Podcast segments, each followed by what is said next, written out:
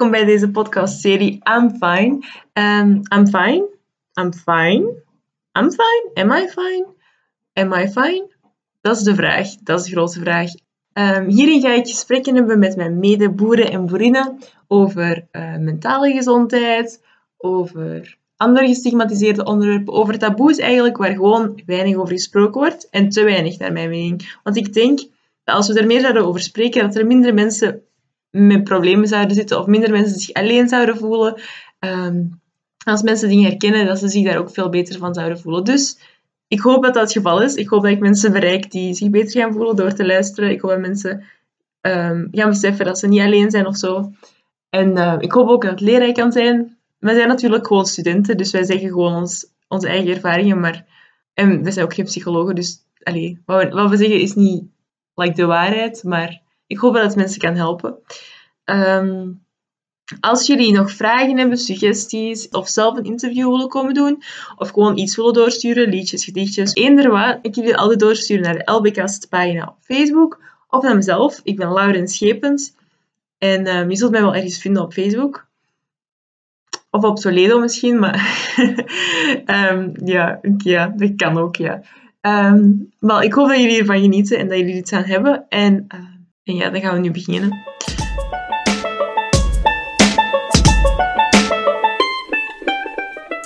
Uh, vandaag verwelkomen we Hanna Timmermans in onze studio. Nee, niet in onze studio, want we moeten allemaal in ons eigen kot blijven. Uh, welkom Hanna. Dank u wel. Dank u wel om mij hier te verwelkomen. um, hoe gaat het met jou? Uh, op dit moment wel goed. Ik heb de lesvrije week wel kunnen gebruiken om te ontstressen. Veel leuke dingetjes gedaan, dus ja. Goed. Super. Klinkt goed. Um, ook altijd leuk om een eerlijk antwoord te krijgen op deze vraag, want ik heb het gevoel dat deze vraag nogal vaak heel oppervlakkig wordt gebruikt. Ja, ik, als familie of zo mij vraagt waar dat ik dan niet super close mee ben, dan, dan ga ik wel snel zeggen van, ah ja, ja, goed. Maar dan... Ja, dan ja ik, denk, ik denk dat dat wel iets... Ik denk dat dat wel iets is dat we allemaal doen. Zo. Ja.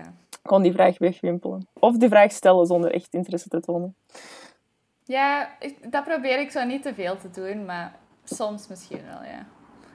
Ja. Um, Oké, dan gaan we er direct in vliegen. Hoe zou je... Hanna, voor onze luisteraars thuis, hoe zou jij jezelf beschrijven als persoon? Um, ik denk dat ik van... Allee, misschien niet van nature, maar ik ben nu wel een vrij optimistisch persoon. Mm -hmm. Ik ben ook een heel gevoelig persoon. Ik uh, voel alles heel intens. En dat gaat dan ook zo up en down. Um, ik ben ook wel vrij perfectionistisch soms. Um, ik probeer ook wat creatief te zijn. Uh, um, en ik probeer ook altijd zo... Allee, een goede vriendin te zijn voor, voor mijn vrienden. En dat ze bij mij terecht ja. kunnen en zo. Ja. Oké. Okay. En, en je zegt dat je up en down gaat en dat je perfectionistisch bent en misschien ook je andere um, persoonlijkheidseigenschappen. Hoe denk je dat die je mentale gezondheid beïnvloeden? Uh, ik denk dat dat heel veel... Allee, ja,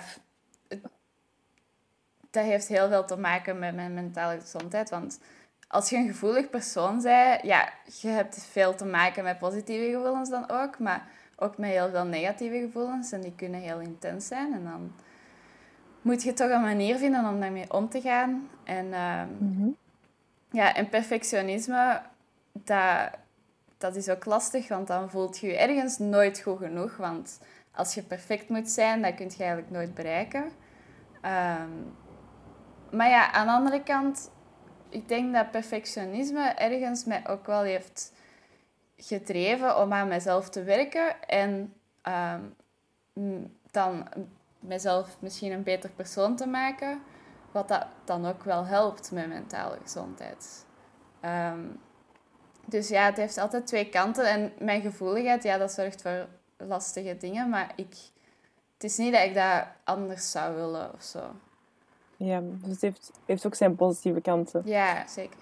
Door, doorheen de dingen die misschien echt lastig kunnen zijn en waarvan je je echt niet zo goed kunt voelen. Ja. Oké.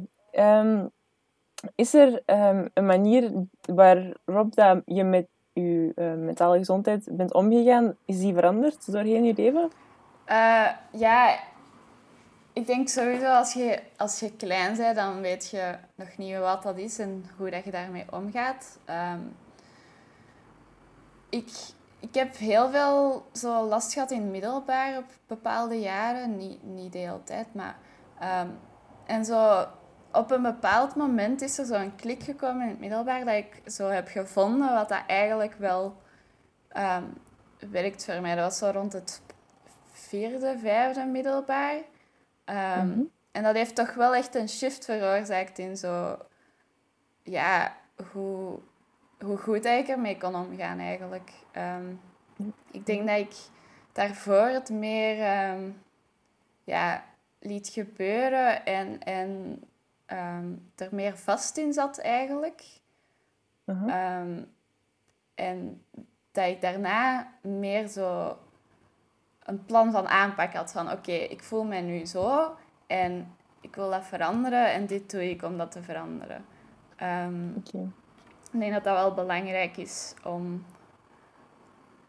ook de kracht, allee, de kracht te hebben om daar verandering in te brengen. Mhm. Denk je dat er een specifieke aanleiding was toen? Of?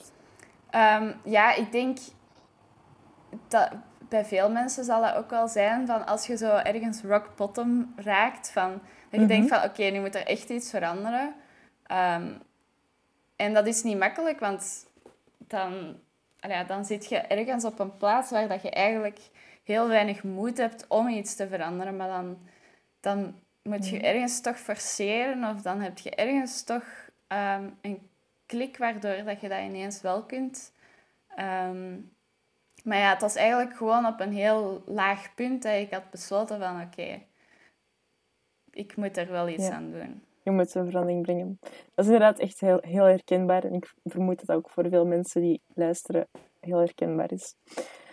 Um, en hoe zie je jezelf um, veranderen doorheen de toekomst? Is er, heb je een visie hoe dat je dingen gaat aanpakken of hoe dat dingen gaan veranderen? Um, ik denk dat ik sowieso altijd meer kan leren over mentale gezondheid in het algemeen.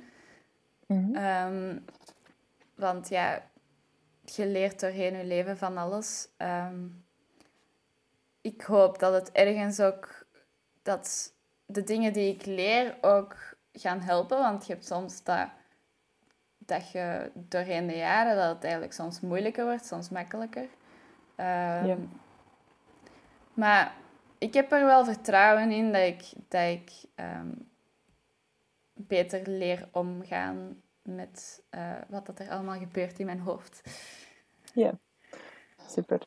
Um, ja, je kunt alleen maar bijleren, denk ik. En um, ik denk inderdaad dat, dat je ook veel... Allee, je kunt natuurlijk ook slechte dingen bijleren, maar meestal denk ik dat je wel na een tijdje genoeg ervaring hebt met dingen om te weten welke dingen je bijleert, welke goed zijn voor je en welke ja. minder goed zijn. Als je daar actief mee bezig bent, denk ik um, dat je sowieso inderdaad wel ziet wat dat goed is en wat dat niet goed is. Mm Oké. Ehm, zijn er mensen in je omgeving um, bij wie je terecht kunt om te praten over mentale struggles, emoties, gedachten?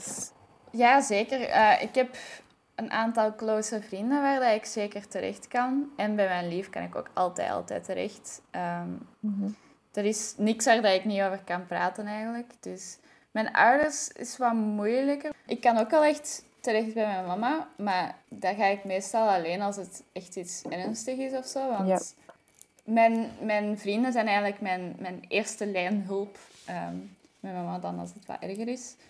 Ehm, voor de rest, dat is het zo, denk ik eigenlijk. Ja.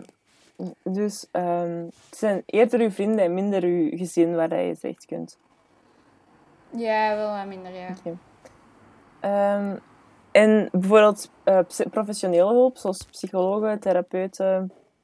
Um, wat vind je daarvan? Ik ben zelf uh, één keer naar... een paar sessies, maar naar één psycholoog geweest. van de studentenverenigingen van KU mhm. Leuven.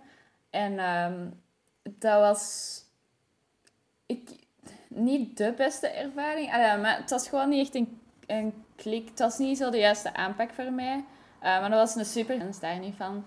Um, maar ik ga wel... Ik heb nog niet de moed verloren of zo in psychologie. Dus ik ga wel uh, op zoek naar iemand anders binnenkort. Mhm. Um, maar ja, tijdens de examens was dat wel moeilijk, want dan heb je helemaal geen tijd daarvoor. Ja. Um, en mijn mening erover... Goh, ik vind dat moeilijk, want het hangt van de persoon ook vaak af. Um, ik denk dat psychologen heel, heel veel hulp kunnen uh, bieden voor heel veel situaties. Ja. Um, maar als een psycholoog je niet kan helpen, dat kan gebeuren, um, dan moet je ook niet denken dat je probleem uh, nooit gaat overgaan. Je kunt soms zelf ook um, dingen vinden waardoor die je eigenlijk helpen, dat een psycholoog u niet heeft kunnen aanreiken. Um, maar je moet ook wel weten van de eerste psycholoog dat je gaat zien, de kans dat dat degene is waar dat je bij blijft, is vaak klein. Allee, dat heb ik ook al horen zeggen door andere mensen. Mm um, dus je moet niet ontmoedigd geraken door één of twee slechte ervaringen. Um, en ook van psychologen zijn niet um, die spreken niet de grote waarheid. Het is niet als een psycholoog u zegt van... Um, niemand kan u helpen, dan, dan heb je gewoon een slechte psycholoog. Ja, die, ja. ja zeker weten. Dat is, um... En er is ook een... Ik denk ook dat er een enorm stigma is rond naar de psycholoog gaan. Want ik denk dat mensen heel vaak zo zijn van... Oh, maar ik heb helemaal niet zo'n zware mentale problemen of zo, dat ik naar een psycholoog zou moeten gaan. Maar dan ergens denk ik dat dat een beetje uh, under of overrated, ik weet niet wat het woord is, maar dat dat gewoon overrated of underrated, ik weet het niet, is omdat uh, psychologen er niet alleen zijn voor echt zware problemen. Zelfs als je met kleine dingen zit, kan een psycholoog echt voor een gesprekje of zo echt al veel doen. Ja, en dat zeg ik uit eigen ervaring. En ook uit mensen zoals jij, Hanna, die ik al heb gesproken. Ja, ik denk ook um, dat sommige mensen kunnen hun problemen eigenlijk niet als groot genoeg zien, terwijl het soms wel groot genoeg zijn. Mm Ja. Ja, en elk, elk ding dat u weerhoudt om super voluit te leven, is al groot genoeg, toch? Want, ik bedoel... Ja, ergens wel. Het hangt ervan af. Van, um, natuurlijk, daar is ook geld aan gebonden. Je moet daar ook... Um, je, allee, je moet daar financieel dat kunnen betalen. Um, dus ik denk dat er sowieso al een kleine drempel is.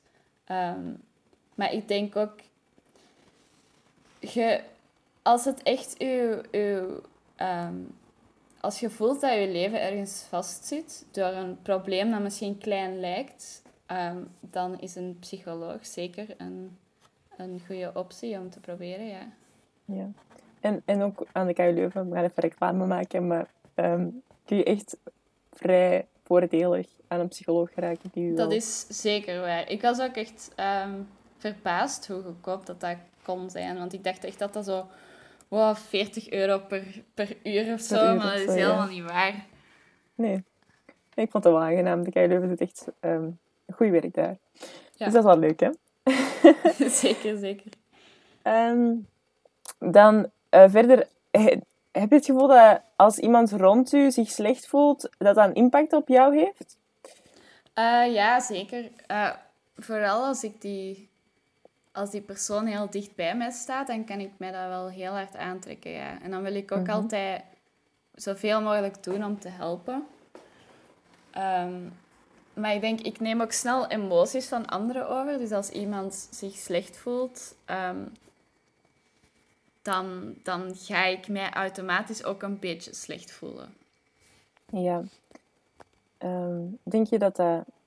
Allee, zou, zou je een grens moeten zetten ergens waar dat, dat like, nog gezond is voor jezelf? Want ik kan me voorstellen dat als je heel makkelijk emoties overneemt, dat dat op een gegeven moment ook echt um, verstikkend kan zijn voor jezelf. Zeker. Uh, ik heb op een bepaald moment uh, ook effectief een grens moeten stellen. Um, omdat het echt gewoon te, te zwaar was voor mij om, om te de problemen van eh, een Mhm. persoon dat dan heel, heel dicht bij mij was, ehm, elke dag te horen en, en ja, bijna mee, mee te maken. Omdat je, als je daar zo hard verbonden mee bent, dan, dan maakt dat u ook heel, heel veel uit. Ja. En ehm, je moet daar zeker ergens een grens in stellen. Eh, dat is natuurlijk heel moeilijk om te doen, want je wilt niet zeggen van... Oh, gaat met je problemen ergens anders, want Ja. dat, dat gaat je gewoon niet zeggen. Ehm, en dat moet ook niet. Het is niet... Ik denk dat je op een zachte manier een beetje kunt aanbrengen dat het even te veel is voor u. Maar Mhm. dat dat niet betekent dat je er niet nog altijd zijt voor die persoon. Ja. Maar ik denk dat je sowieso als, als je mentale last hebt als persoon, moet zien dat je een aantal mensen hebt waar dat je terecht kunt en, en dat niet op één persoon allemaal ligt. Ja, ja, zeker. Zodat je niet... ehm, een van de dingen die mijn papa ooit heeft gezegd, is dat je je, je ehm, vrienden of je lief of zo niet moet gebruiken als je psycholoog. Dus je kunt daar wel bij voor je dingen te vertellen, maar als, het echt, als je echt elke keer over bezig bent, dan, dan zou je het best verspreiden over verschillende mensen of inderdaad naar een psycholoog gaan. ehm, want dat heeft inderdaad wel invloed op andere mensen. Zeker. En allee, ook gewoon van... Als je iemand gebruikt als psycholoog, basically, dan... Wat dat er dan gebeurt, is ook gewoon dat je relatie, of dat dat nu een, een romantische relatie is of een vriendschappelijke relatie, dan wordt die ook gewoon helemaal daarover. En Ja. dan is dat niet echt nog een gezonde of mooie relatie. Nee, inderdaad. En dan wordt dat inderdaad het onderwerp van de relatie. En dan... Ja, dat is Ja. inderdaad niet gezond, zoals je zegt. Oké. Ehm, hoe denk je dat andere mensen u in general beïnvloeden? Gewoon om u heen, gewoon ehm, niet per se emotiegewijs, maar in gedragingen of in meningen. Of... Goh, ehm, ik heb wel al heel mijn leven eigenlijk gehad dat ehm, sociaal contact of zo bij andere mensen zijn, dat dat heel vaak wel hielp met, met, hoe, met wanneer dat ik me slecht voelde. Want je had daar dan zo heel vrolijke mensen tussen en dan word je ergens ook wel afgeleid. En dan, word- dan zie je ook dat... Ja, soms dan heb je zo je eigen wereldje en dan zie je niet meer dat je zo vrolijk kunt zijn, maar dan zie je... Op dat moment zie je dan wel van, ah ja, er is nog vrolijkheid en er zijn Mhm. nog mooie dingen. En, ehm, ik denk ook perspectieven van anderen over je eigen problemen of over ehm, andere dingetjes kan heel veel helpen met ehm, te relativeren en dingen minder groot en eng te maken. Mhm. Ja. En sowieso ook al uw, uw, uw gevoelens en uw gedachten let op zeggen. En zeker tegen andere mensen helpt wel daarmee, denk ik. Inderdaad. En ik denk ook wel van... ehm, het is wel belangrijk om niet één persoon zijn mening of visie als de waarheid te nemen. Mhm, Ehm, ja. Net zoals bij psychologen, maar eigenlijk bij iedereen. Want ik, ik weet van dat ik vroeger wel snel zo... Als iemand iets tegen mij zei, wel al snel was zo van... "Ah, Dat, dat is zo. Ehm, ja. En als dat dan iets negatief was, dat ik mij dat heel hard aantrok wel. En, ehm, maar soms als je dan de- hetzelfde aan iemand anders vraagt, dan heeft hij een heel andere mening. En dan misschien dan eerder een positieve mening. Ja. Er zijn, ja, er zijn veel verschillende meningen. Een beetje kritisch zijn dan op, op Ja, dat vlak. Met wie je vertrouwt en wie je als waarheid aanneemt. En dat hoeft ja, niet eens, die mensen hoeven het niet eens fout te hebben of zo, maar dat is gewoon misschien iets dat u niet per se helpt, terwijl dat andere mensen juist wel zou helpen. Ja, inderdaad, dat kan heel goed bedoeld zijn. Je hebt dat heel vaak, dat mensen gewoon ehm, heel goed bedoeld advies geven, maar dat gewoon echt niet werkt voor je. Ja. ja. En dan is het inderdaad persoonsgebonden ook, want sommige dingen werken dan voor andere mensen. Inderdaad. Ja. Hoe denk je dat in een relatie uw partner u kan bijstaan ehm, als je je mentaal minder voelt of als je, als je weet dat je mentaal soms last hebt? Eh, ik denk dat je dat als persoon ehm, in een relatie sowieso al een beetje moet aangeven van wat, wat heb je nodig ehm, op zo'n moment. Want dat is ook weer voor iedereen anders.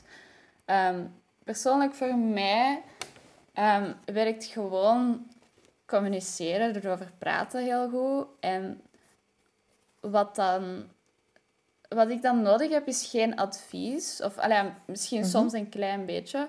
Maar vooral iemand die één, niet belachelijk vindt wat ik zeg. Of, allee, en ook niet... Het kan soms dat ik dezelfde onzekerheid verschillende keren zeg. En dan als je dan bijvoorbeeld de reactie krijgt van, ah, maar je hebt dat al gezegd, je weet dat ondertussen nu toch dat dat niet waar is, of kun je maar.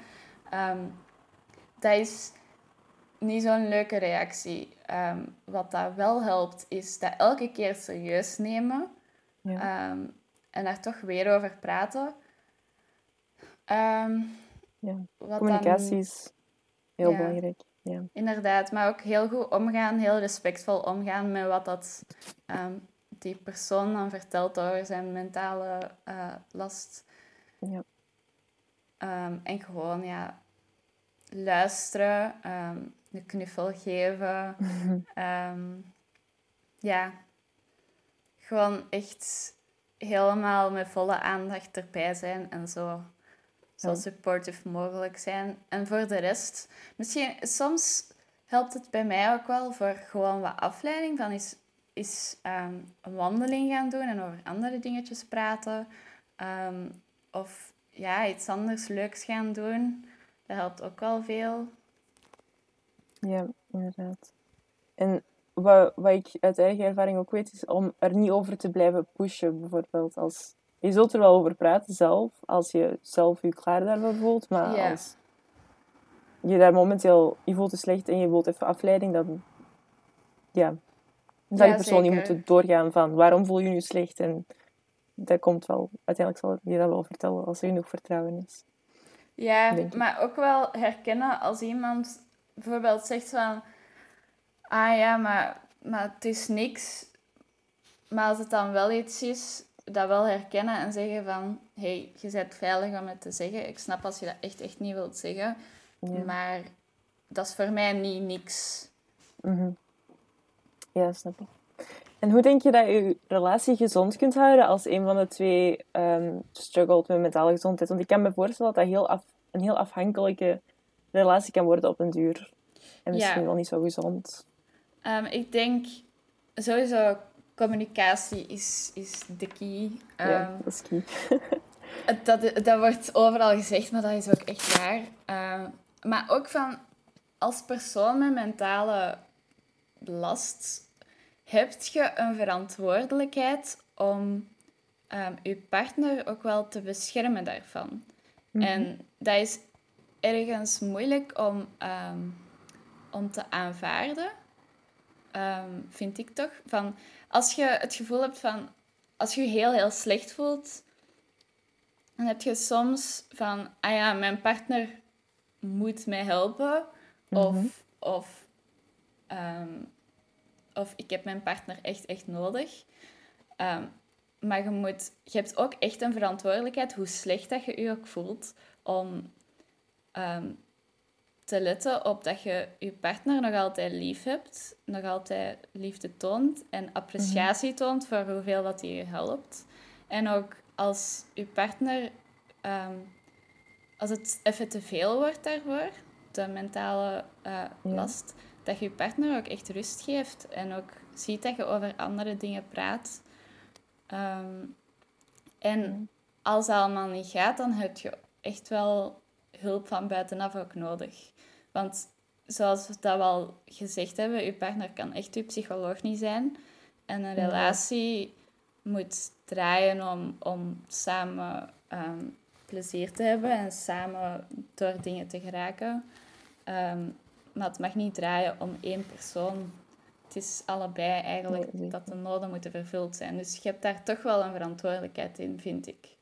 Mhm. En je partner is ook zeker niet verantwoordelijkheid voor eigen, voor, verantwoordelijk voor je eigen geluk. Uh, nee, nee, nee, nee. Want dat is, ik denk, een grote misconceptie. Dat veel mensen zijn van, ja, maar jij moet mij gelukkig maken. Maar dat is zeker niet. Je partner is iemand die in je leven is, waarmee je je leven deelt. En je maakt allebei je eigen geluk. Je bent allebei een individueel persoon. Zeker. En je partner kan zeker je geluk versterken. Maar als jij Mhm. zelf geen goede basis hebt en jij steunt eigenlijk op je partner om, om daar geluk van te krijgen, dan dat werkt gewoon niet. Dat gaat niet. Nee, dat is niet zo'n gezonde relatie, inderdaad. Ehm, en ook die partner zijn gevoelens zijn ook belangrijk. Dus ja, als het alleen maar Zeker, over u zeker. gaat, dat is... eh, ja. Ja, persoonlijk, ik probeer altijd wel te zeggen van... ehm, zelfs als ik me slecht voel, ook aan hem te vragen van... Maar hoe gaat het met jou? Ehm, Mhm. en, en is dit niet te veel voor u? Of eh, echt zien dat ik bij hem ook check van... Oké, alles nog oké? Ehm, zodat zijn gevoelens zeker ook niet worden genegeerd. Ja. ja, ik denk dat dat inderdaad belangrijke dingen zijn om, te onthouden. Ja. Ehm, dan had ik het graag even gehad over jouw coping mechanisms, Hanne. Coping mechanisms. Je coping mechanisms, ja, Yes. de Engelse term. Ehm, wat, wat, hoe zou je je coping mechanismen omschrijven? Wat, wat zijn ze? Goh, ik heb er verschillende. Ehm, voor corona had ik, was mijn grootste eigenlijk mensen zien en dingen Mhm. doen met andere mensen. Sociaal contact. Ja, omdat dat u toch zo even uit uw hoofd brengt. En ehm, ja, als je bijvoorbeeld zei dat op, obsesseren over iets bepaald dat je dwars zit, ehm, dan, kan, dan kan afleiding met andere mensen echt wel helpen om te zien van, ah, maar er zijn nog andere dingen ehm, in het leven. Ja, ja, inderdaad. En ook gewoon dingen doen op zich van, zelfs als dat alleen is, van eens een keer naar een, een tentoonstelling alleen gaan of ehm, heel lang gaan wandelen, wat dat nu ook wel gaat.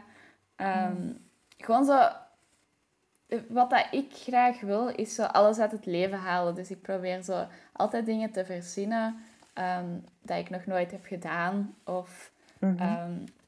Zo, ja, dingen die mij wat uit mijn comfortzone brengen eigenlijk. En dat is mijn grootste copingmechanisme wel.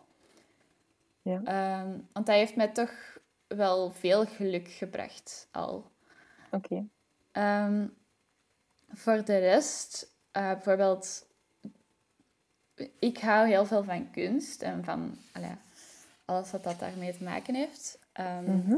en bijvoorbeeld iets moois van kunst zien helpt mij ook al. Dus of muziek luisteren, of ja, dus een mooie film zien, dat soort dingen. Ja. Ehm, omdat dat mij ook vaak laat zien hoe mooi dat de wereld is. Ehm, ja, wandelen heb ik al genoemd, maar wandelen op zich, dus beweging, is ook heel goed. Want ik merk als ik bijvoorbeeld een hele dag stil zit aan mijn computer, Ja. ehm, dat, dat is echt niet goed, ook niet voor mijn mentale gezondheid. Mhm. Dus dan moet ik gewoon eens even, zelfs als dat, als dat maar een blokje om is, gewoon even gaan wandelen. Wandelen is echt ja, een, wandelen is echt zo. een supergoeie eh ding om te doen. Slaap. Genoeg slaap. Dat, Ehm, eh, en slaap een echt vast slaapritme helpt ook echt. Underrated. Zo underrated, ja. Ja, dat is echt heel underrated. En dat is echt zot hoeveel dat, dat doet. Want ik was ook wel eerst... Ik was eerst iemand dat een slecht slaapritme had. En altijd heel laat ging slapen. Ehm, en je merkt eigenlijk niet eerst hoeveel impact dat, dat heeft op je mentale gezondheid. Nee. Maar als je eens een keer gewoon altijd om 11 uur gaat slapen en op tijd opstaat, eh, genoeg 8, 9 uur slaap hebt, minstens, ehm, dat doet echt al wonderen. Zo. Ook voor je energie, dan voelt je je ook energetisch. Beter, ja. goh, voor de rest, ja. Om even terug te komen op zo uit je comfortzone stappen. Dat lijkt Mhm. tegenintuïtief, want als je bijvoorbeeld slecht voelt, dan denk je, dan is dit niet het laatste wat je wilt doen. Hè? Iets, Ja. iets wat je uit je comfortzone... ehm ja. Dus dat vind ik wel een interessante. Dat is inderdaad het laatste dat je wilt doen, maar wel het eerste dat je eigenlijk zou moeten doen. Mhm, Want, oké. ehm, allee, niet het eerste per se, want als je echt in een zware depressie zit, dan is dat vreselijk moeilijk. Dan kan gewoon een stapje buiten zetten al heel moeilijk zijn. Of je aankleden of ik weet niet wat.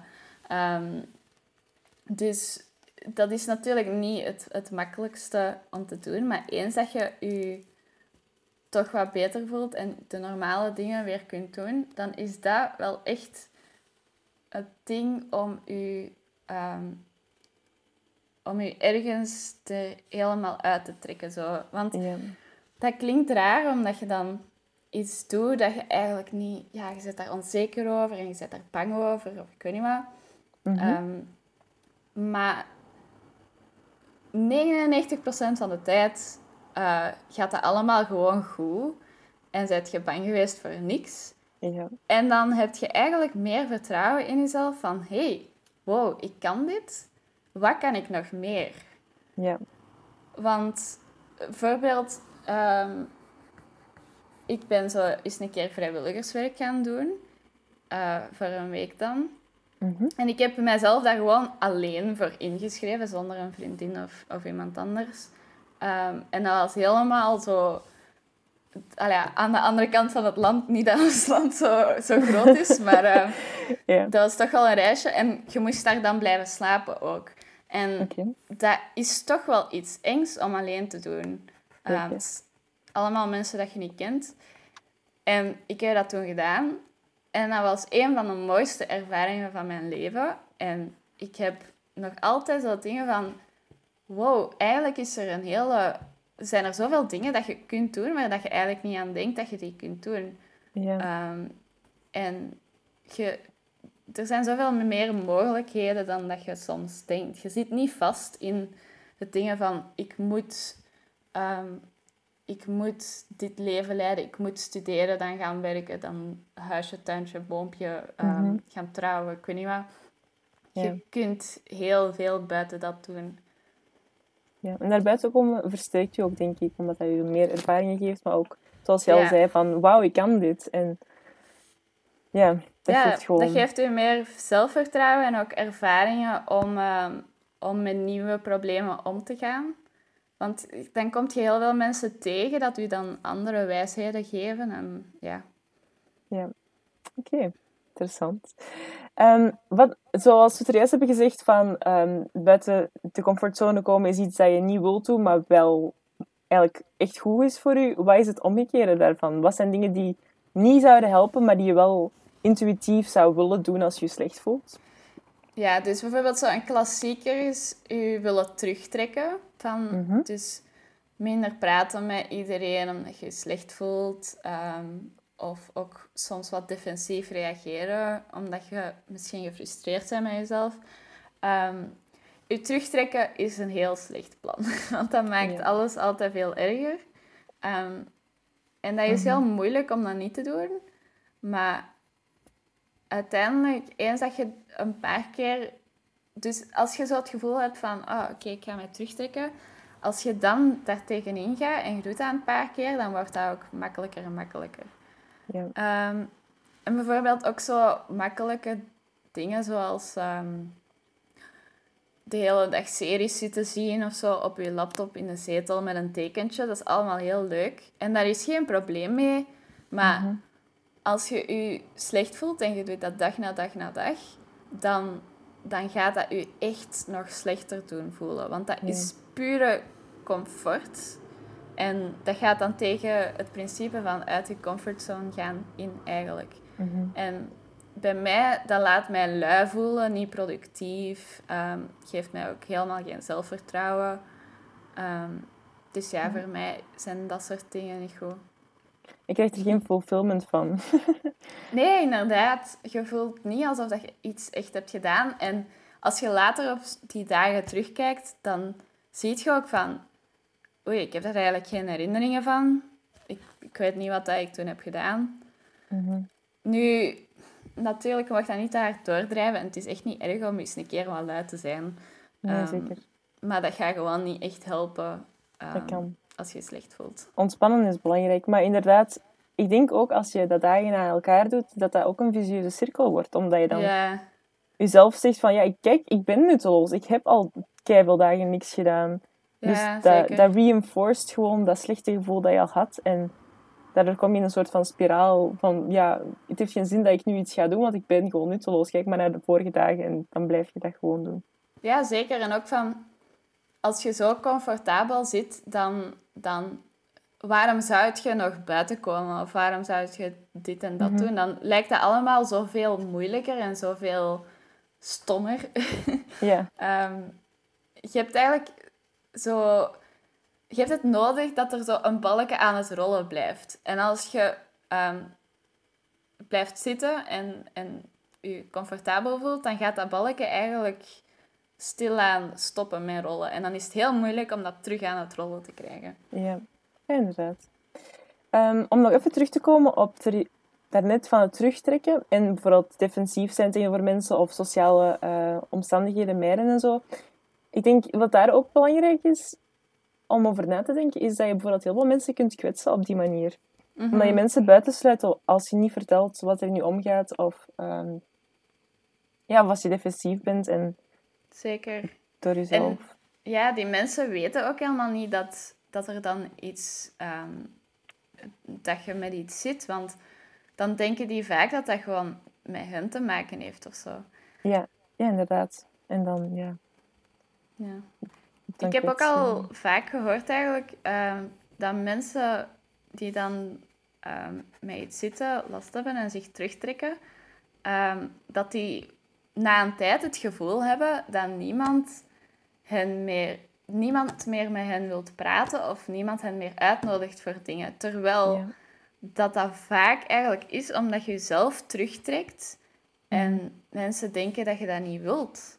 Ehm, en er is helemaal, helemaal geen schaamte in ehm, heel vaak zelf het initiatief nemen om af te spreken met mensen. Ik weet vanaf dat ik dat ben beginnen doen en zo die drempel ben overgestapt van het is niet erg om, om heel vaak zelf dingen te organiseren of zelf te vragen van oh, gaan we eens dit Ja. doen of dat doen.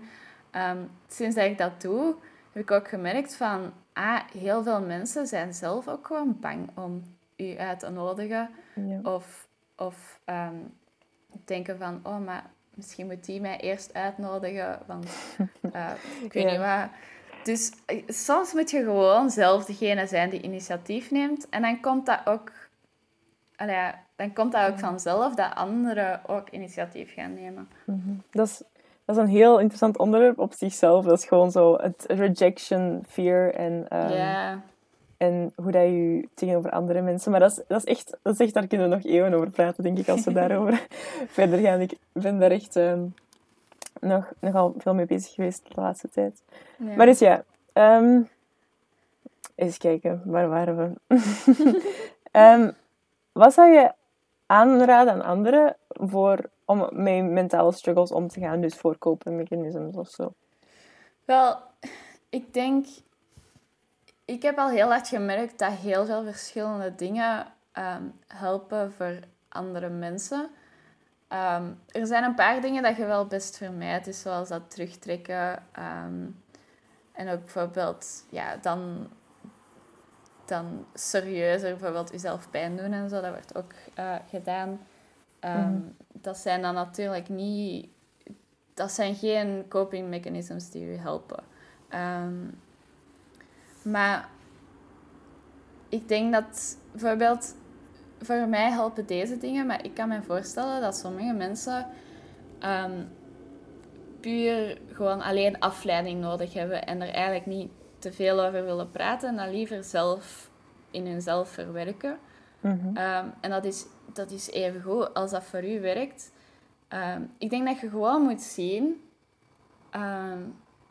een klein beetje een experimentje met jezelf opstellen. Van, oké, ik voel me slecht. Stel dat ik dit doe, deze activiteit. ehm, wat, welke impact heeft dat dan daarna op mijn eh, gemoedstoestand? Ben ik dan ehm, blijer, vrolijker? Of ben ik juist verdrietiger nadat ik dat heb gedaan? En daar kun je met veel activiteiten zo wat goed over nadenken. En het gaat er eigenlijk niet om, om het korte termijn effect. Een klein beetje ook wel. Maar het gaat vooral om het lange termijn effect. Van wat, hoe voel ik mij na de activiteit, niet tijdens de activiteit. Want ik kan mij voorstellen dat als je je slecht voelt ehm, en je gaat dan een serie zien, dat je je tijdens die serie beter voelt. Omdat je dan afleiding hebt en je denkt van, ah oké, kei leuk, je bent helemaal geabsorbeerd in je serie, maar dat je je daarna eigenlijk slechter voelt omdat je niks productief hebt gedaan of zo. Mhm. Ehm, en ik kan me andersom ook voorstellen dat je, je voelt je slecht, je gaat gaan wandelen en op heel die wandeling denk je van, "Pff, zeg, waarom ben ik nu gaan wandelen? Dat is helemaal niet leuk. Maar dat je je daarna toch wel beter voelt. En ik denk dat dat belangrijker is. Ja, inderdaad, dat is, dat is herkenbaar. Dat je zo daarna die endorfines van het bewegen en zo. Ja. Maar ook gewoon trots omdat je het hebt gedaan, right? Zelfs als je tien minuten buiten bent geweest, als je terug binnenkomt... allee, ik, ik, in mijn geval is dat toch zo dat ik dan echt zo ben van... Wauw, ik ben buiten geweest en goed zo, weet je? Ja, zeker. Dat is, dat is ook een, een accomplishment. Hè? Allee, ja. dat, is, dat is niet altijd makkelijk als je je slecht voelt. Ehm, ik denk ook van... Het belangrijkste is gewoon om naar jezelf te luisteren. Ehm, ja, Ja. wat, dat, wat dat voor u werkt. Voor sommige mensen werkt meditatie of eh, zo yoga of van die dingen. Voor sommige mensen werkt heel hard sporten en gewoon je frustraties eruit laten. Voor sommige mensen werkt creatief zijn of erover praten of allee, van alles. Ja. En ik denk sowieso, als je niet graag sport of zo, dat wandelen echt de gouden middenweg... Allee, wandelen is echt weinig effort, maar dat is echt super, super goed voor je lichaam en je hoofd. En ik weet niet, ik ben echt Ja. van wandelen. Ja, ik ook. en zo ook vooral in de natuur, maar zelfs in de stad wandelen is nog. Want dan zie je zo van alle mensen die van alles zijn Ja. aan het doen. En... Zeker nu met corona, denk ik dat dat wel... eh, ook Ja, al ben je niet sociaal aan het interageren met die mensen, je ziet nog mensen. Je weet van, oké, iedereen Ja. zit hierin, weet je. Of gewoon zo van die dingen zoals naar de winkel gaan of zo. Dat, Mhm. dat is ook al iets heel nuttig en dat laat je vaak ook wel beter voelen. Dat is zo. En, ehm, ja, en dingen voor jezelf.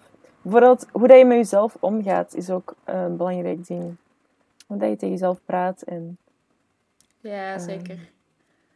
ik weet niet, heb jij een manier waarop je jezelf behandelt of zo, als je het minder? Ehm, ik, ik betrap me er zelf, zelf soms op dat ik ehm, niet altijd zo positief tegen mezelf praat. Ehm, in de zin van, soms dan moet ik van mezelf van alles. Van, ik moet dit zijn of ik moet dat doen. Maar dat helpt bijna nooit. Ehm, Soms wel. Van, als je zegt van oké, ik moet nu echt in actie komen en als je dat dan ook doet, dan helpt dat wel. Maar het is belangrijk om ook ehm, het oké te vinden als, je is, als het eens een keer niet lukt om iets productief te doen. Ehm, Of stel dat je naar, eigenlijk naar de winkel moest, maar dat is niet gelukt, maar je hebt wel echt geprobeerd. Dat is ook helemaal oké. Ehm, zolang dat je natuurlijk eten hebt en zo. Ehm, dus, of als je eigenlijk moest douchen vandaag, maar het lukte je echt niet. ehm, dan je moet jezelf niet te hard afstraffen als er iets niet lukt. Dat is helemaal oké. Maar je moet ook niet blijven zitten in dat dingen van alles, alles is oké hoe dat ik het nu doe. In de Ja. zin van... ehm, je- ja, je mag daar niet passief in blijven. Van, het, als het niet lukt, dan is dat zo. Maar je moet volgende keer wel echt terug proberen. En proberen dat het... ehm, ja, en misschien dat het dan wel lukt. Dus een soort van middenweg vinden tussen het Ja, aardig zijn tegen jezelf en het streng zijn eigenlijk.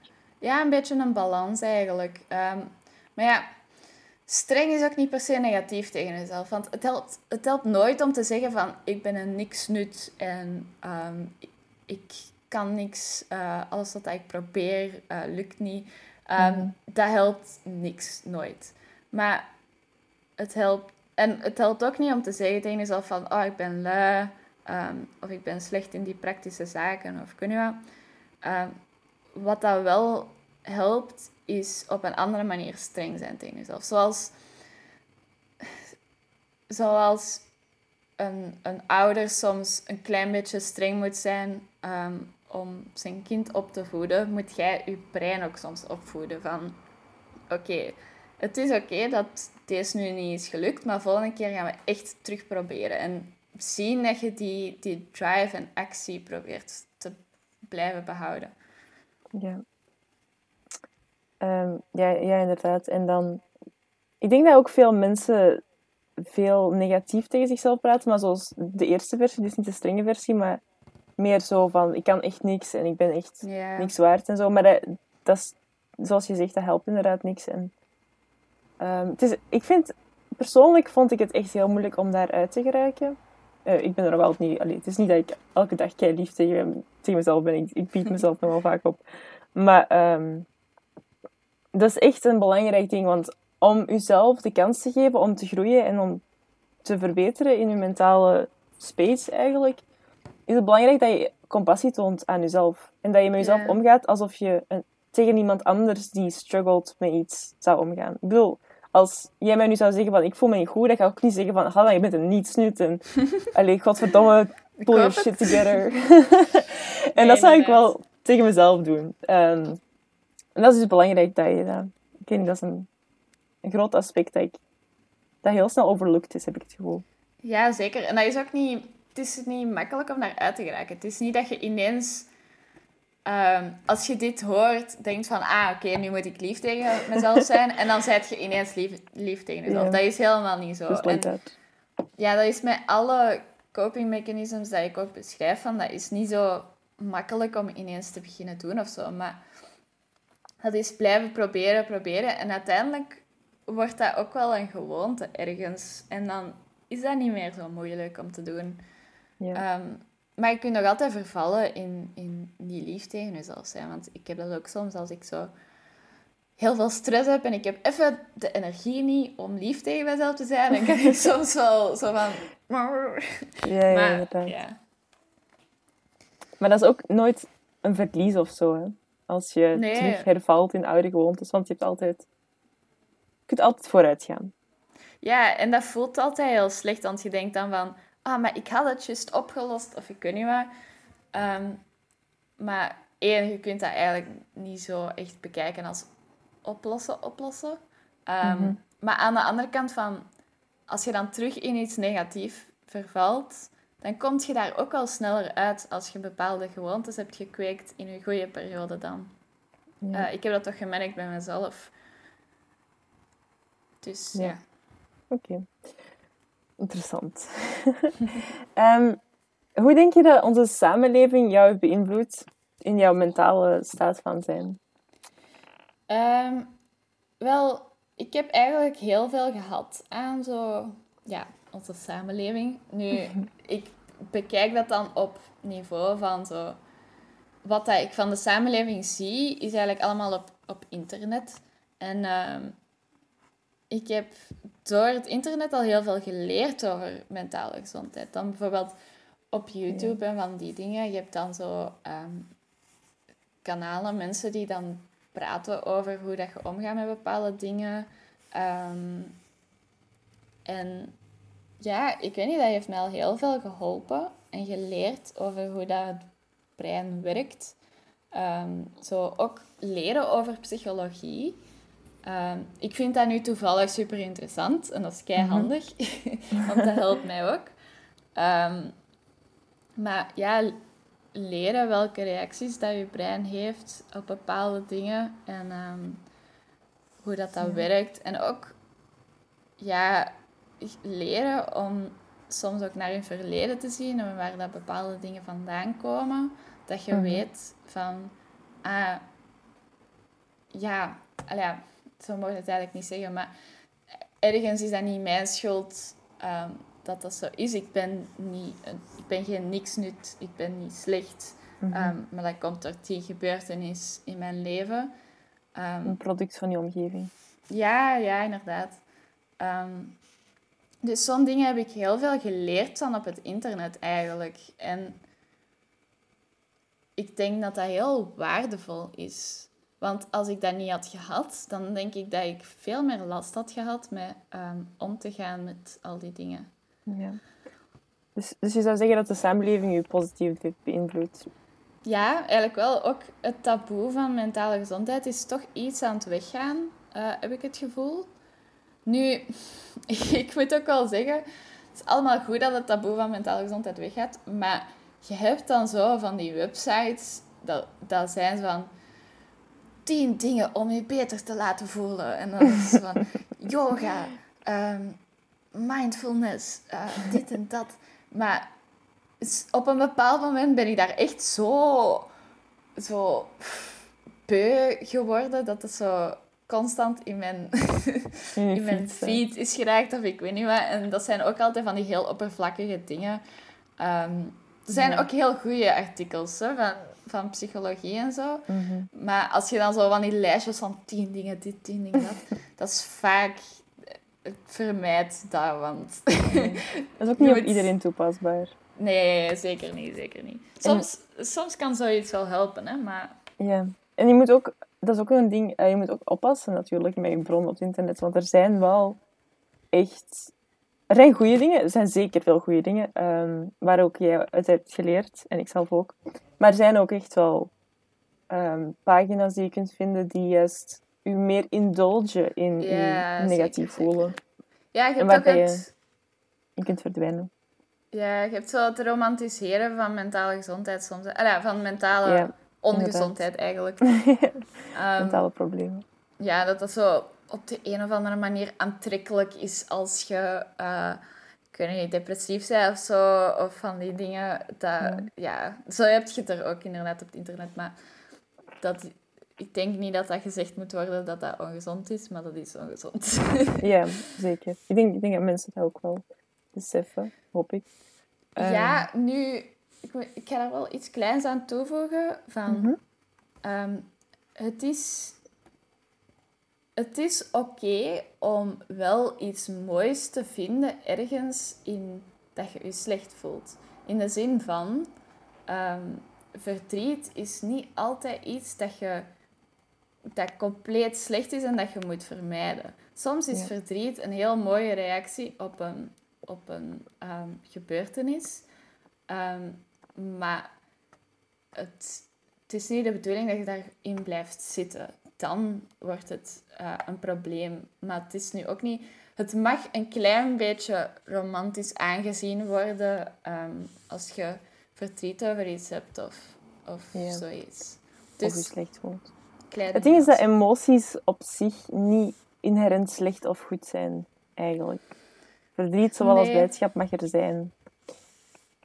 En ja, ik denk dat ook een, grote, een groot ding is dat veel mensen streven naar blijdschap, terwijl dat verdriet even goed daar is. En verdriet is niet slecht op zich. Het is vooral wanneer dat je jezelf indulge in dat verdriet, of wanneer je erin blijft vastzitten, dat het eigenlijk iets wordt dat toxisch is voor je leven.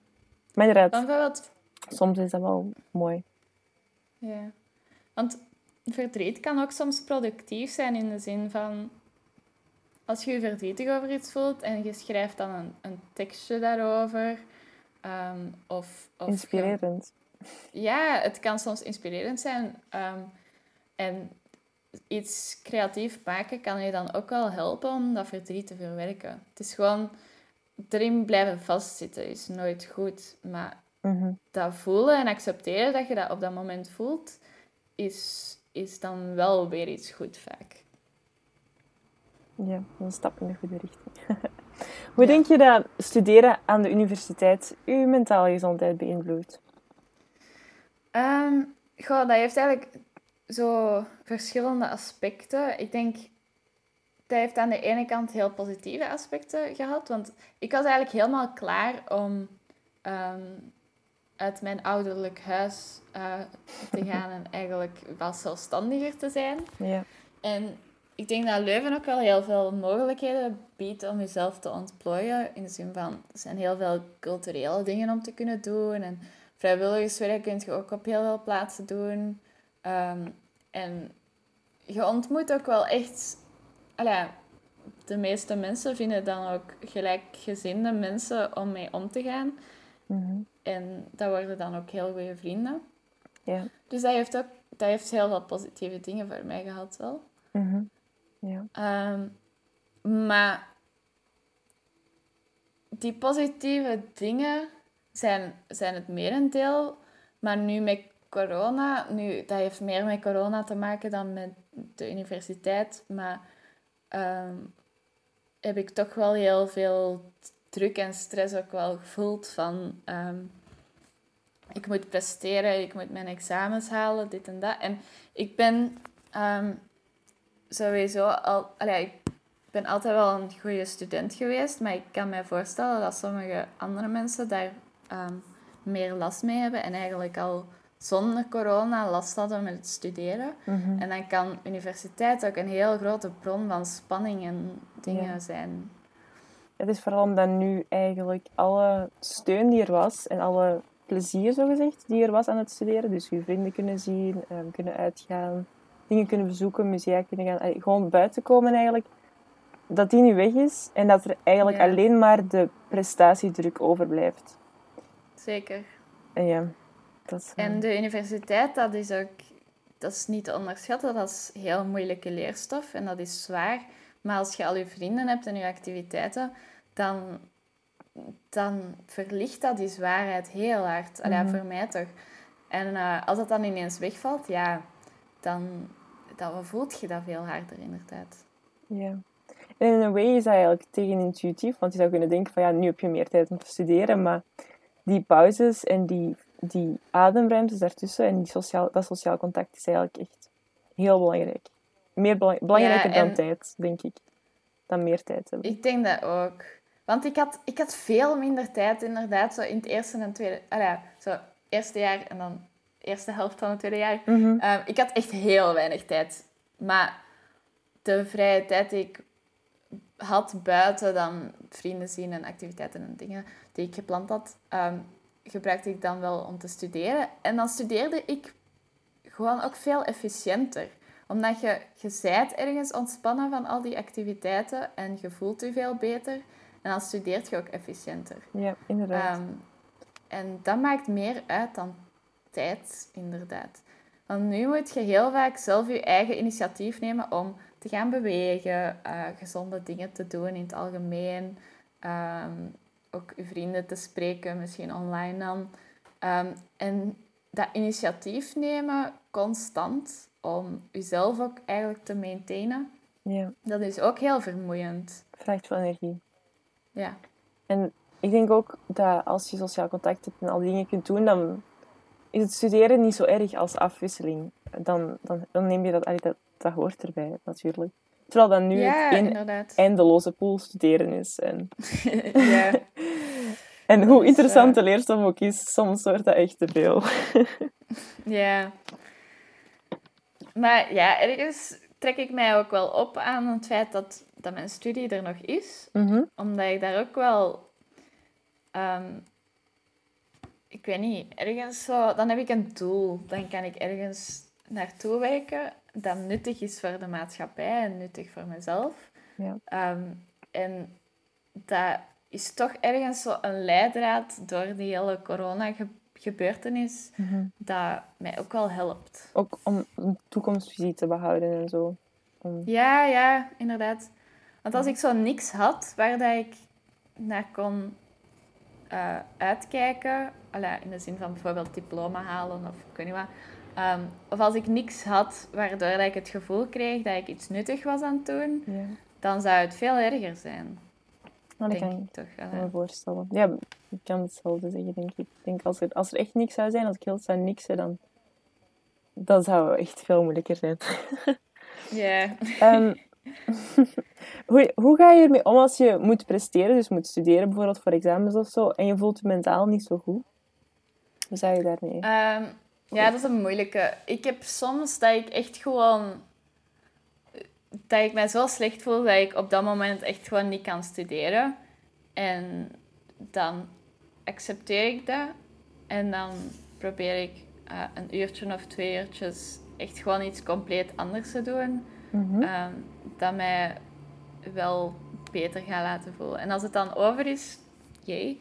Als het dan niet over is, dan is dat zo. En als ik echt niet kan studeren die dag, dan, dan is dat zo. Maar meestal is de volgende dag dan weer anders.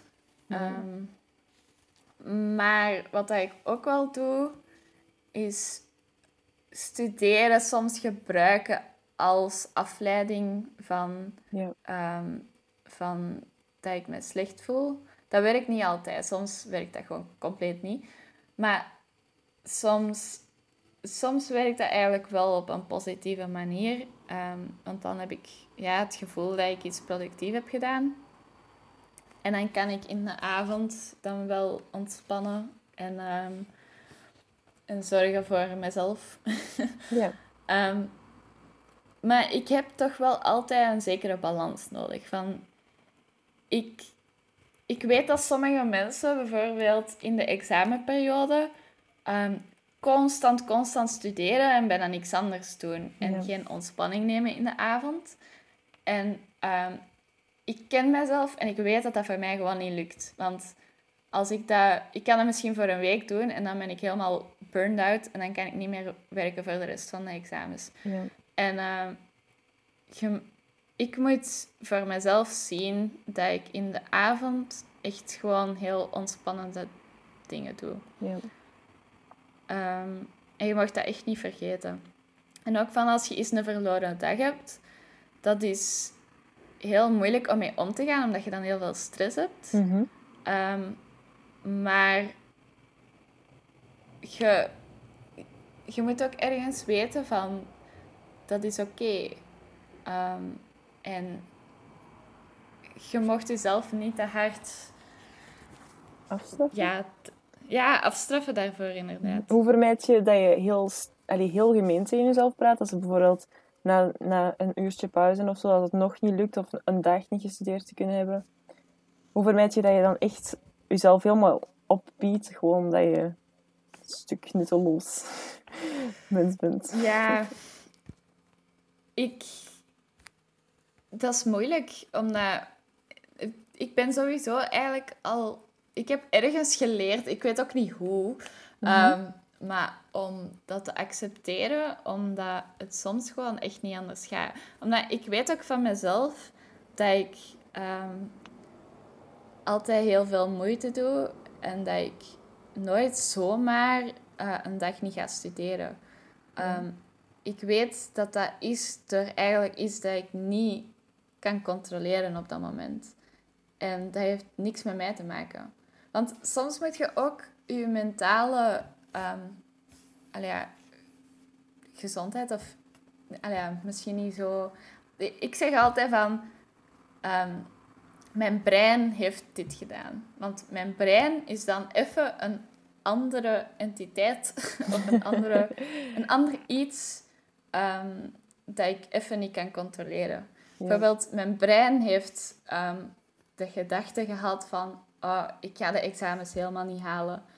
Maar ik, ik zeg dan van dat is een aparte gedachte en hij heeft eigenlijk niks te maken met de realiteit. Oké. Ehm, dus ik probeer dan te zeggen van...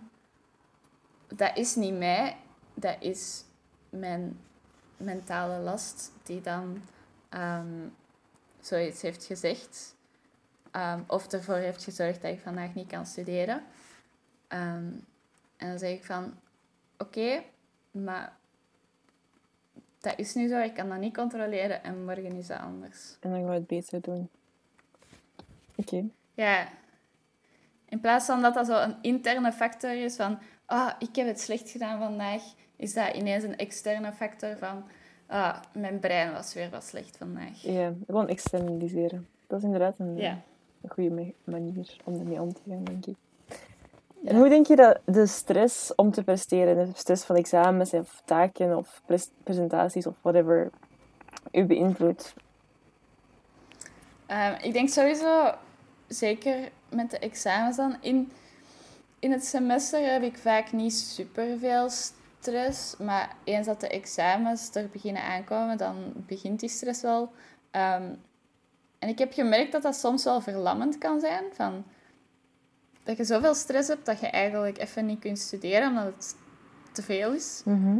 Ehm, en soms kan dat juist heel motiverend zijn van oké, nu moet ik er echt aan beginnen en dan kan ik heel- ook heel goed studeren.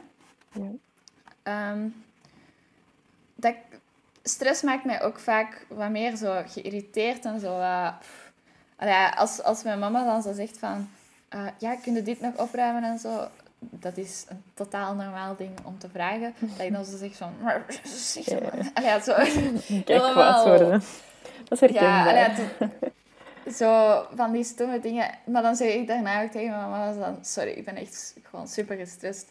Ehm, dus ja, dat heeft wel zo'n invloed op mij. En ik vind dat niet leuk, want ik haat het echt om zo... Ja, te fitten op mensen wanneer dat, dat niet Mhm. nodig is. eh, of boos te worden op mensen. Ik kan, kan er echt niet tegen, maar... Soms gebeurt dat en dan probeer ik ook altijd te zeggen tegen die mensen van waarom dat, dat ik zo reageerde. Ja, Ehm, dat is een en s- goed van communiceren. communiceren, jee. Ehm, en stress heeft ook wel, zeker nu met al die coronastress, want dat is zo'n heel andere soort stress, Ja, ehm, maakt het voor mij ook soms moeilijker om. Of maken mijn mentale ehm, dingen gewoon moeilijker om mee te dealen. Dat maakt dat sterker vaak. ja, ik. Ja, in het algemeen, wat denk je dat de lockdown als invloed heeft gehad op je ehm, mentale gezondheid, op je copingmechanisms, ehm stresslevels? Ja, in, in, ja. in het begin was ik zo van... Want ik was in het semester altijd super, super druk. Maar dan met leuke dingen, zo met, eh, met mensen afspreken, dit en dat. Mhm. Ehm, en in het begin, zo de eerste tweeënhalf weken of zo, ehm, was ik zo van, oké, even rust. Ehm. En was het wel, oké, ik kon er mee om. Maar zo na die tweeënhalf weken was ik zo van, "Eh, ik heb niks meer leuks te doen en ik mis mijn vrienden. En ehm, ja, het, daarna heeft het echt wel geen positieve invloed gehad op mij. Allee, vrij negatief. Ehm, Mhm. ik ben er dan zo wat doorgeraakt, ook met heel veel hulp van mijn lief. Ehm, en dan had je zo in juli ook zo een rare maand waar dat je eigenlijk alles terug mocht. Eh, alles en dat hielp ook veel, Dat was Ja. fantastisch. inderdaad. En dan zag ik zo al mijn vrienden terug en dat was superleuk. Ehm maar dan zo, ik had ergens de hoop dat in september, als ik terug naar de universiteit ging gaan, eind september dan, Mhm. dat alles zo terug oké zou zijn, weet je? Ja, dat, dat er genoeg vrijheid zou zijn, dat je wel zo wat vrienden kon zien en dat je naar de pub kon om te studeren en dit en dat. Maar die hoop heeft mij eigenlijk eh, heel veel parten gespeeld, omdat ik toen... Dat was echt zo mijn lowest point van... de corona. Ik had, ja, ik had ergens verwacht dat het beter ging gaan toen, maar ik, het ging echt veel slechter toen. En ja, ik was ergens, en dat is zo kei raar en, en zo backwards, maar ik was ergens blij toen dat er een tweede lockdown kwam. Omdat toen alles terug naar daarvoor was. Want er was zoveel verandering gebeurd. Je had van het normale leven was het ineens naar een lockdown ineens terug even naar normaal leven, dan, Mhm. dan terug minder normaal leven, dan naar school. En ik had ook een nieuw kot dat ik nog nooit had gezien daarvoor. En nieuwe mensen. Dat is wel ehm, veel. Het was veel te veel verandering en ik kon die verandering gewoon niet meer aan, omdat ik het al sowieso mentaal lastig had van, van het hele corona gebeuren. Ehm, dus dat was even zo overload. Overload. Ehm, dus ik was ergens blij toen dat de tweede lockdown er was, dat alles ehm, terug een beetje was zoals normaal in, allee, daarvoor. Ehm, en niet zo'n vreemde tussenversie. Het is zo alles of niks bijna. Ehm, maar ja, ik kijk ook wel uit naar, naar de moment dat alles terug helemaal normaal is. Maar zo die tussenversie, daar kon ik gewoon niet mee om. Ik weet niet waarom. Misschien te hoge Ehm. verwachtingen en dan teleurstelling, in a way. Ja, ja, zoiets. Ik weet niet. Is uh, of te veel verandering. Ja, ik kan me voor- voorstellen. Denk je dat je copingmechanismes zijn veranderd tijdens de lockdown? Ja, zeker. Ik bedoel, sowieso mijn grootste dingen van mensen zien en Ja. uit mijn comfortzone komen, dat kon ik nu veel minder doen, want je huis is je comfortzone eigenlijk. Hè? Zeker. En ehm, je kunt heel weinig speciale dingen nog doen naar buiten. Ehm, dus wat dat ik eigenlijk meer heb beginnen doen, is zo wat dingen opschrijven. Mhm. Ehm, nu, het is niet dat ik daar zo eh, super gedisciplineerd in ben geweest of zo. Maar op de momenten dat het echt, echt nodig was ehm, en ik dat heb gedaan, heeft dat wel echt geholpen. Ja. Ehm, en zo het focussen op het positieve. Mhm. Van positieve dingen over mezelf opschrijven. Want als ik dat gewoon zo zeg tegen mezelf, dan geloof ik dat niet. Want dan Ja. heb ik zoiets van, ah ja, ja, oké. En dan ben ik dat direct terug vergeten. Maar als ik dat opschrijf, dan, dan heeft dat veel meer kracht. Mhm. Dan staat het En daar, dan- hè? zwart op wit. Ja, inderdaad. Dan blijft dat ergens bij mij. En dan kan ik ook terugkijken van... Ah ja, ik heb dat die dag gedaan. Bijvoorbeeld, als ik trots op mezelf ben dat ik die dag heel, heel goed heb gestudeerd, dan schrijf ik dat op van... Ah, ik heb vandaag echt supergoed gestudeerd. Mhm. En dan kan ik daarop terugkijken van... Ah ja, juist, die dag heb ik keigoed gestudeerd. Mhm. Ehm, en zo gewoon andere dingen waar dat ik trots op kan zijn. Of zo leuke dingen dat ik wel heb gedaan, dat ik dan vergeet of zo. Bijvoorbeeld zo... Ik heb ehm super lekkere brownies gebakken of zo. En dan kan ik daarop Ja. terugkijken van... Ah ja, ik heb dat gedaan. Eigenlijk is... Ja, eigenlijk heb ik echt wel Ja. dingen gedaan. Ik denk zeker dat Dus, dingen opschrijven ja. een enorme hulp is. Ook, ik spreek ook uit, uit eigen ervaring. Dat is enorm. En ook gewoon trots zijn op je kleine accomplishments. Ik denk dat dat ook al Mhm. een groot ding is. Want we denken altijd van, ja, we moeten meteen perfect zijn en we moeten meteen alles beter zijn. Maar zelfs als je al met iets kleins beter bent geworden en je schrijft dat neer, want je beseft dat meestal zelf niet. Maar als je Ja, dat neerschrijft, dan kun je daar, ja, ik weet niet, dan krijgt dat een lichaam of zo. Je krijgt dat meer bestaan. Dat is zo. En zeker die kleine dingen, dat is kei belangrijk. Want ik, heb, ik had dan het voornemen van, oké, ik ga zoveel mogelijk positieve dingen van deze dag opschrijven. Zoveel mogelijk, hoe klein dat zou ook zijn. En dan was er zo, waren er zo dingen tussen, zoals ik heb een cool vogeltje of een coole paddenstoel gezien. Of ehm, ik heb iets kei lekker gegeten. Of ehm, deze persoon heeft dit tegen mij gezegd en dat was lief. Of, Allee, Mhm. zo echt van die kleine dingen. Dan merk je van, wow, er zit eigenlijk heel veel positiefs in mijn dag. Maar ik zit constant in mijn eigen hoofd te zeggen dat alles negatief is. Ja. Ja, je focus veranderen is ook wel een groot ding. Ik denk dat negatieve dingen zijn in, in een menselijk hoofd altijd meer doorwegender of zo dan positieve dingen. Ja. ja, het hangt ervan af. Goed om daarbij stil te staan. Ik denk dat het ook wel eh, van je mentale toestand afhangt. Soms kun je er niet aan doen dat je zoveel negatieve dingen denkt, want je voelt je gewoon slecht. En Ja. dan gaat je brein ook zoeken van waarom voel ik me slecht? Ah, deze negatieve dingen zijn allemaal vandaag gebeurd. Ehm, maar ik merk ook wel dat als ik mij goed voel, dat ik ook wel gewoon veel automatisch focus op positieve dingen. Ehm, Ja. ja, maar je moet daar gewoon zo tegenin gaan als je je dan slecht voelt om eh, te focussen op die negatieve dingen. Ja, ja helpt wel. Oké, ik denk dat we dan alles hebben gehad wat we wouden coveren. Eh, eh, het was een super interessant gesprek, Hanne. Dank je wel Ja, vond ik ook. om hier langs te komen. Alleen niet langs te komen, maar met mijn interview te doen. Ik vond het heel interessant. En ik hoop dat de mensen die hier naar luisteren ook er iets aan hebben gehad, iets hebben bijgeleerd. Misschien, ehm, ik weet niet, het hebben gehoord van om, dat herkenbaar is en dat ze zijn van wow, ik wist niet dat andere mensen dat ook hadden. Of, I don't know. Ja, Ehm, ik wil ook even zeker zeggen van... ehm, ik ben... Ik vertel gewoon mijn eigen ervaring over dingen. En niks wat ik zeg is de waarheid. Dus als iets niet werkt voor u, dan, dan Ja. is dat zo. En som, sommig advies dat ik zou geven, gaan andere mensen misschien denken van... "Pff, wat is dat nu? ja, iedereen is inderdaad verschillend. En... Maar het is maar onze eigen, onze eigen interpretatie van dingen eruit.